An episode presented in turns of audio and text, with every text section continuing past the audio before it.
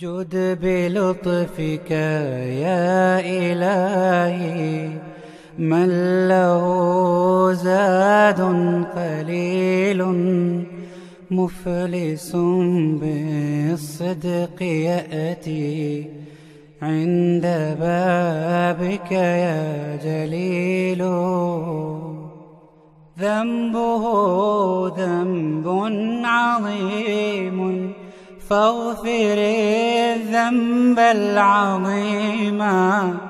إنه شخص غريب مذنب عبد ذليل منه عصيان ونسيان وسهو. بعد سهوي منك إحسان وفضل بعد إعطاء الجزيل. كيف حالي يا إلهي؟ ليس لي خير العمال سوء أعمالي كثير.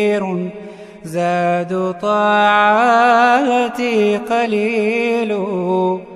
عافني من كل داء. واقض عني حاجاتي.